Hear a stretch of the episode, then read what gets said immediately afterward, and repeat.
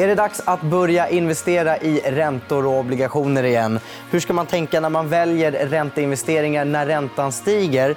Och hur går det till när fastighetsbolag köper tillbaka obligationer? Det här och mycket mer får ni i dagens EFN Marknad.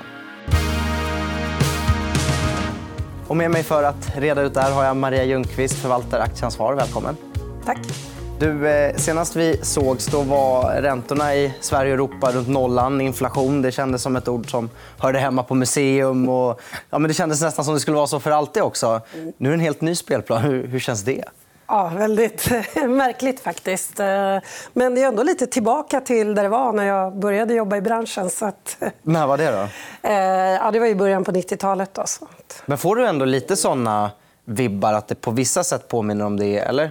Inte riktigt. Det här är egentligen inflationsproblematiken den här gången tycker jag egentligen påminner mer om 70-talet. då gick jag på lågstadiet. Men det är ju en utbudschock på det sättet som det var då. Mm. Mm. Eh, är det roligare att vara ränte och obligationsförvaltare nu än för två år sedan? När räntorna var noll? Ja, verkligen. Ja. verkligen. Det, det öppnar ju upp massa möjligheter. faktiskt. Eh, och, ehm, så man kan se mer på möjligheterna och behöva tänka lite mindre på riskerna. faktiskt. Det kanske låter konstigt när allting känns så osäkert. Men eh, högre räntenivåer eh, gör faktiskt väldigt stor skillnad när man ska så att säga, göra en investering. Mm. Kul.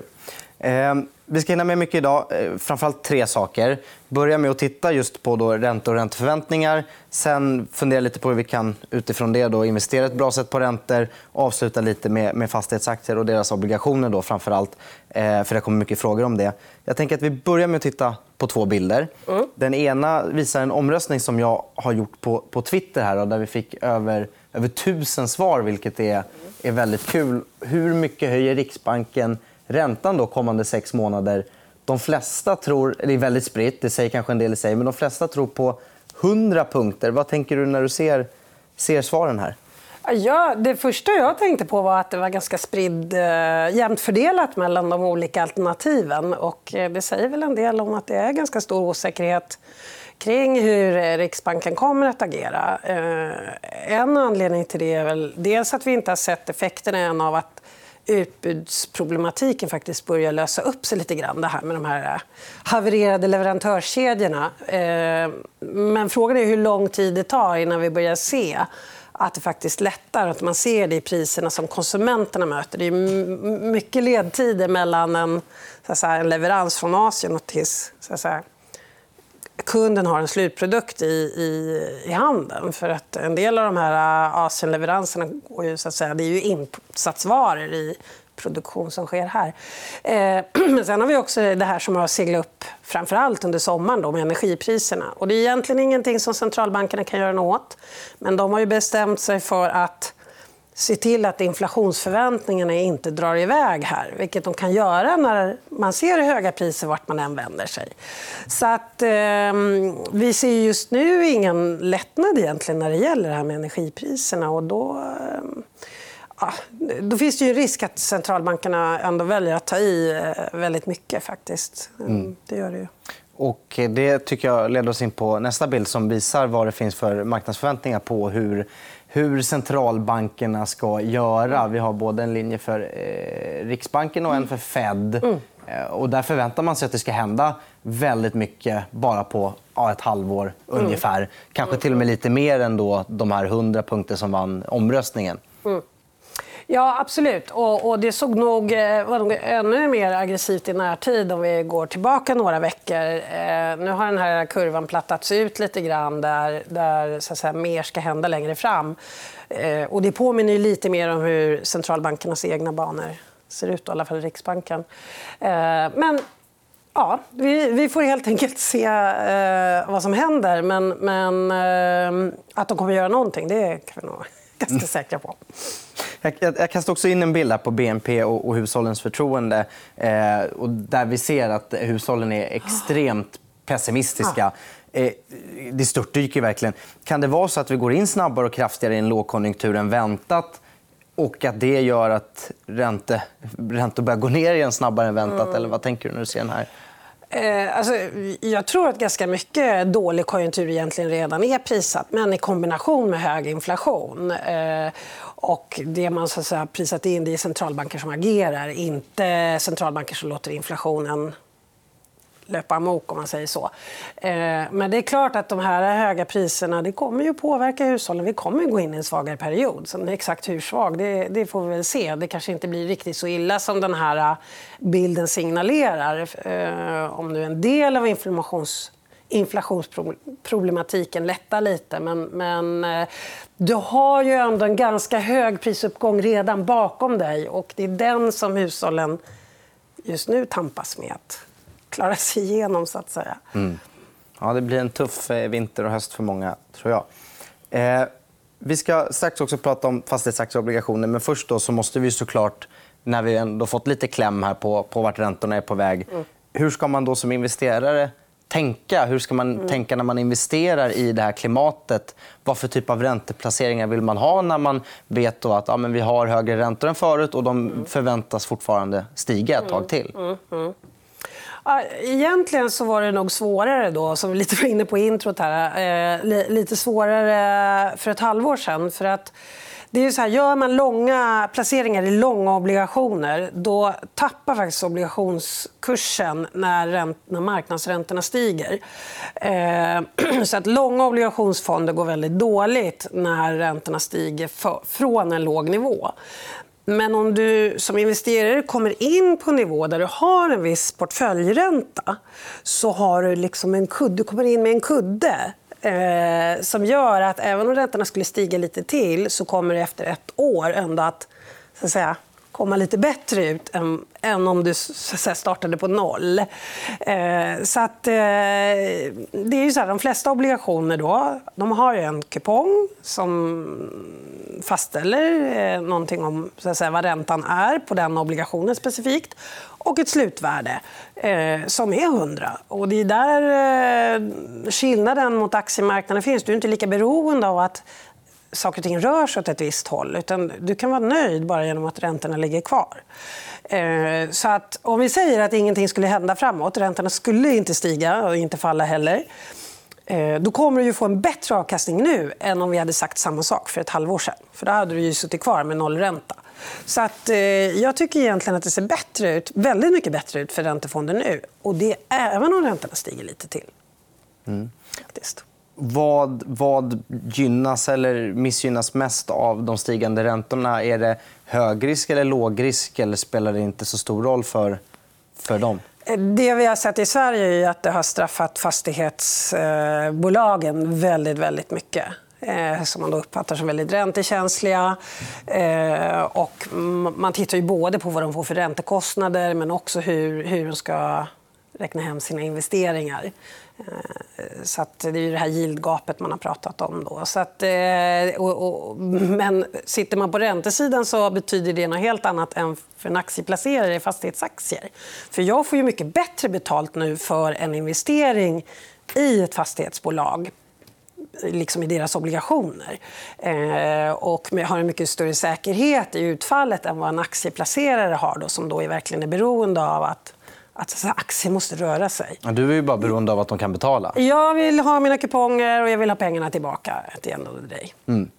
Ja, skönt. Ja, men, men det är det enda du behöver undvika egentligen, det är att de inte kan betala allt ja. så att de går i konkurs. Ja, det är inte så bara i och för sig. Det är en väldigt viktig fråga och där finns det en väldigt stor skillnad då mellan investment grade, de som har högre kreditkvalitet, och high yield, alltså de som har lägre kreditkvalitet. Tittar man statistiskt historiskt så är det väldigt ovanligt med betalningsinställelser och konkurser bland investment grade-bolag. Utan det första som händer är ju att de ratas ner och blir high yield.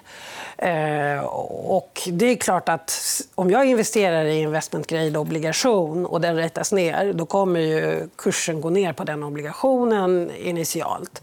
Eh, men klarar de bara sina åtaganden så får jag till slut tillbaka mina pengar. Men andelen bolag inom high yield som faktiskt inte klarar då att betala alla kuponger och betala tillbaka obligationen den är ju inte oväsentlig. Så den måste man ha med i beräkningen då, om man väljer att investera i obligationer som då inte är utgivna av stat som har AAA, högsta möjliga rating, utan ett företag då, som är high yield.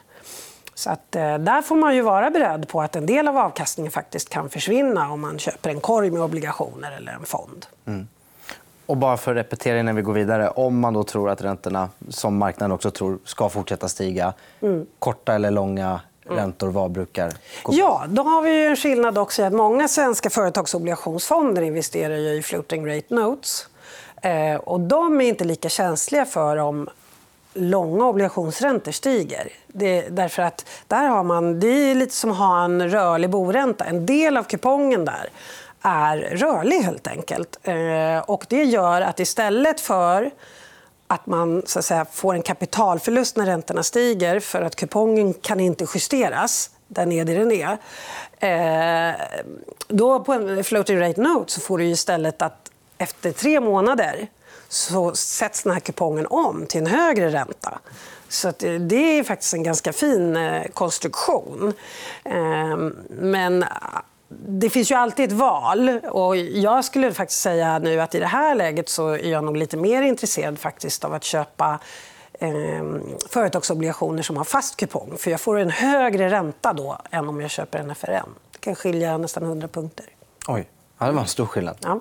Och vi fick se också en bild swisha förbi som visade ja. lite skillnaden mellan mm. olika typer av, mm. av eh, ränteplaceringar de har presterat i år. Ja, just det. Just det. Ja, men de har ju inte... De här stats... Eh, vad heter det? Jag tänkte på den bilden fanns det ju mest en lång statsobligationsfond. Och anledningen till att de har gått så dåligt det är ju det är fastkupongsobligationer till 100 ja. Och de har straffats mest i ränteuppgången. Och det beror på att när man då ska prisa in att kupongen ska upp då måste värdet ner. Ja, istället. Ja, eftersom du kan inte röra kupongen. Nej. Så det är det som är skillnaden. Eh, men eh, nu är ju utgångs... lite som vi pratade om tidigare, utgångsläget är ett annat nu. Eh, om jag köper en fastkupong nu så köper ju inte jag den på noll yield längre. Nej. Utan jag får ju faktiskt lite ränta. Så att det, är, det är bättre riskkompensation nu att gå ut på den där fastkupongskurvan. Eh... Vi, vi, går vidare till att prata lite då om obligationer och fastighetsaktier. Eller rättare sagt fastighetsaktiernas obligationer. Ja. Eh, och, eh, och det beror på att det här har ju skrämt många aktieplacerare. Vad, vad händer med deras räntekostnader? Vad betyder det? Nu, nu, löper obligationen ut. Här. De behöver ställa ut en ny. Vad innebär det? Det är många såna frågor som har cirkulerat i år. Eh, Vissa bolag har försökt parera här lite genom att dra ner sin belåning, köpa mm. tillbaka obligationer. Hur funkar det egentligen när ett fastighetsbolag köper tillbaka en obligation? Mm. Du har ju ett, ett, ett exempel mm. också. Det, egentligen, innan man kanske kommer till den biten så kan man konstatera också att många av de större fastighetsbolagen som normalt emitterar på obligationsmarknaden de har, det har ju varit väldigt lite emissioner det senaste halvåret. Och de har, men de har istället dragit på sina kreditlinjer som de har hos bank. Och det kan man ju se då i aggregerad statistik på utlåningen eh, i ekonomin, då, att de, de har gjort det. Um, så det är ju steg ett. Där tror jag det är lite tuffare för de mindre bolagen som inte är med i, eh, på obligationsmarknaden. Uh, de trängs ju ut lite av de här större bolagen som nu tar större plats i banksystemet. Um, men sen då, vissa bolag har ju möjligheten att nu... Eh, för jag säger att det är en möjlighet, för att det, det, jag tror att det egentligen är positivt på bolagen. De kan köpa tillbaka vissa av sina obligationer. Och då funkar det som så att vissa obligationer eh, är... Eh, så att säga, det, det, finns en kupong och det finns ett slutdatum på dem. Det är vanlig. Eh, och de står oftast först i kön då, så att, säga, att få ut sina pengar vid en konkurs. Eh, men sen så finns det ju lite mer riskfyllt konstruerade obligationer som då, om det går dåligt för bolaget så kan det omvandlas till aktiekapital eller att man får faktiskt en haircut eh, på sin obligation eller man får vänta på räntebetalningarna. De ackumuleras. Eh, så det finns lite olika varianter på det där. Men då brukar det ingå att efter till exempel fem år... Så står, det står i obligationsvillkoren att efter fem år så kan de köpa tillbaka obligationen på exempelvis kurs 100. Ibland är det kurs 105. Eller, eh, det beror på vad man har skrivit in. Eh, och det vi har sett nu det är ju eh, två fastighetsbolag, eh, som jag kommer på nu i alla fall, då, som har erbjudit sig att köpa tillbaka eh, sina de här mer riskfyllda så kallade efterställda eller hybridobligationer. Ehm, och varför gör de då det? Ehm, vi pratade ju nyss om att okay, de har inte velat låna på obligationsmarknaden. Men det är ju för att de får betala en väldigt hög kupong om de emitterar nu. Varför vill de köpa tillbaka någonting som var emitterat tidigare när marknadsräntorna var lägre? Ehm, för att om de nu ska ge ut en ny obligation kommer de att få en högre kupong på den. Så det verkar ju lite dumt då kanske man kan tycka. Men, men egentligen så är det väl inte det. Därför att de här efterställda eller hybridobligationerna, det finns ju ofta en presumtion då att efter fem år på första möjliga koldatum så köper bolagen tillbaka. De måste inte göra det, men de köper tillbaka det. Och I det här fallet då så skulle det vara på 100 vi har ju då Castellum, som har gjort, eller eh, och Bostad, som redan har gjort det här. Och nu är det Balder som är ute med ett sånt erbjudande. Men saken är den att de här obligationerna, eftersom de är mer riskfyllda så har ju räntan på dem stigit mer och kursen gått ner mer. Så det betyder att de prisar långt under 100 som ju är det de egentligen ska återbetalas på. De var ju nere på 60 i början av sommaren. Nu ligger de runt 70-75. Då kan alltså bolaget köpa tillbaka det här lånet på 100 som egentligen är då på 100, nominella värdet är 100, då kan de köpa det på 75. Men de som har, förväntade inte de sig att få 100 de som investerade i det här? Nej, men uppenbarligen då med Heimstaden Bostad så var det en hel del som var jättenöjda med att få 75. Eh, för det var ungefär där det landade då på, på Heimstaden Bostad. Men de, då låg ju kurserna väldigt mycket lägre så att säga, innan de gjorde den här operationen. Och I Heimstaden Bostads fall var det ju också så att där stötte ju ägarna samtidigt till väldigt mycket kapital. Så det mesta finansierades ju med ett ägartillskott. Eh, så kommer det ju inte bli i Balder vad jag förstår. Eh, så det är lite inte riktigt samma sak där. Då, då. Men, men eh, eh, jag ser varför ett bolag faktiskt kanske vill ta chansen att köpa tillbaka någonting på 75 om man tycker att man kan. Eh, men det är ju det som är frågan. då. Liksom. Eh, om man nu inte får ett ägartillskott, vad är det för pengar du använder till att köpa tillbaka de här obligationerna? Och kanske du tar av din kassa som du egentligen behöver ha. Eh, ja, som ett skydd mot likviditetsstress. Men, men eh, det där har väl Balder räknat på och tänkt igenom då, vad de har för eh, emissionsbehov och valt då att inte vänta på att köpa tillbaka den här obligationen utan hellre göra det nu. Och som du var inne på lite innan, de största fastighetsbolagen de kan alltså parera lite mer obligationsrisker med att de ofta har kreditlinjer mm. på banken som mm. de kan ta lite mer av mm. och, och, och, ställa ut lite mindre obligationer medan de mindre generellt inte har riktigt samma utrymme på banken utan är beroende av sina obligationer. Nej, jag menade väl egentligen att det finns massa bolag som inte har tillgång till obligationsmarknaden överhuvudtaget.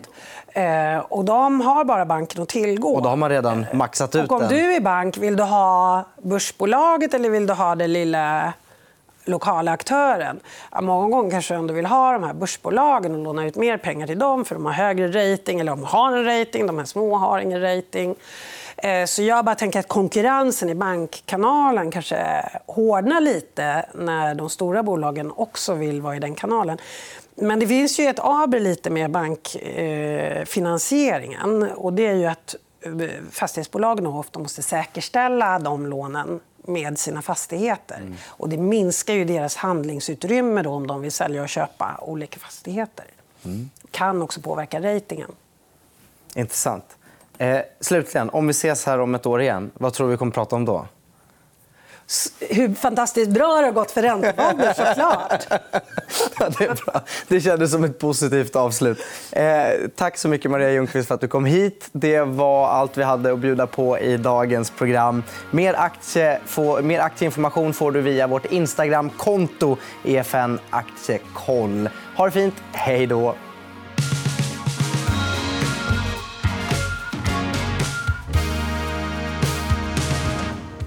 Har lyssnat på EFN Marknad, en podd av EFN Ekonomikanalen. Mer om ekonomi och aktier finns på efn.se.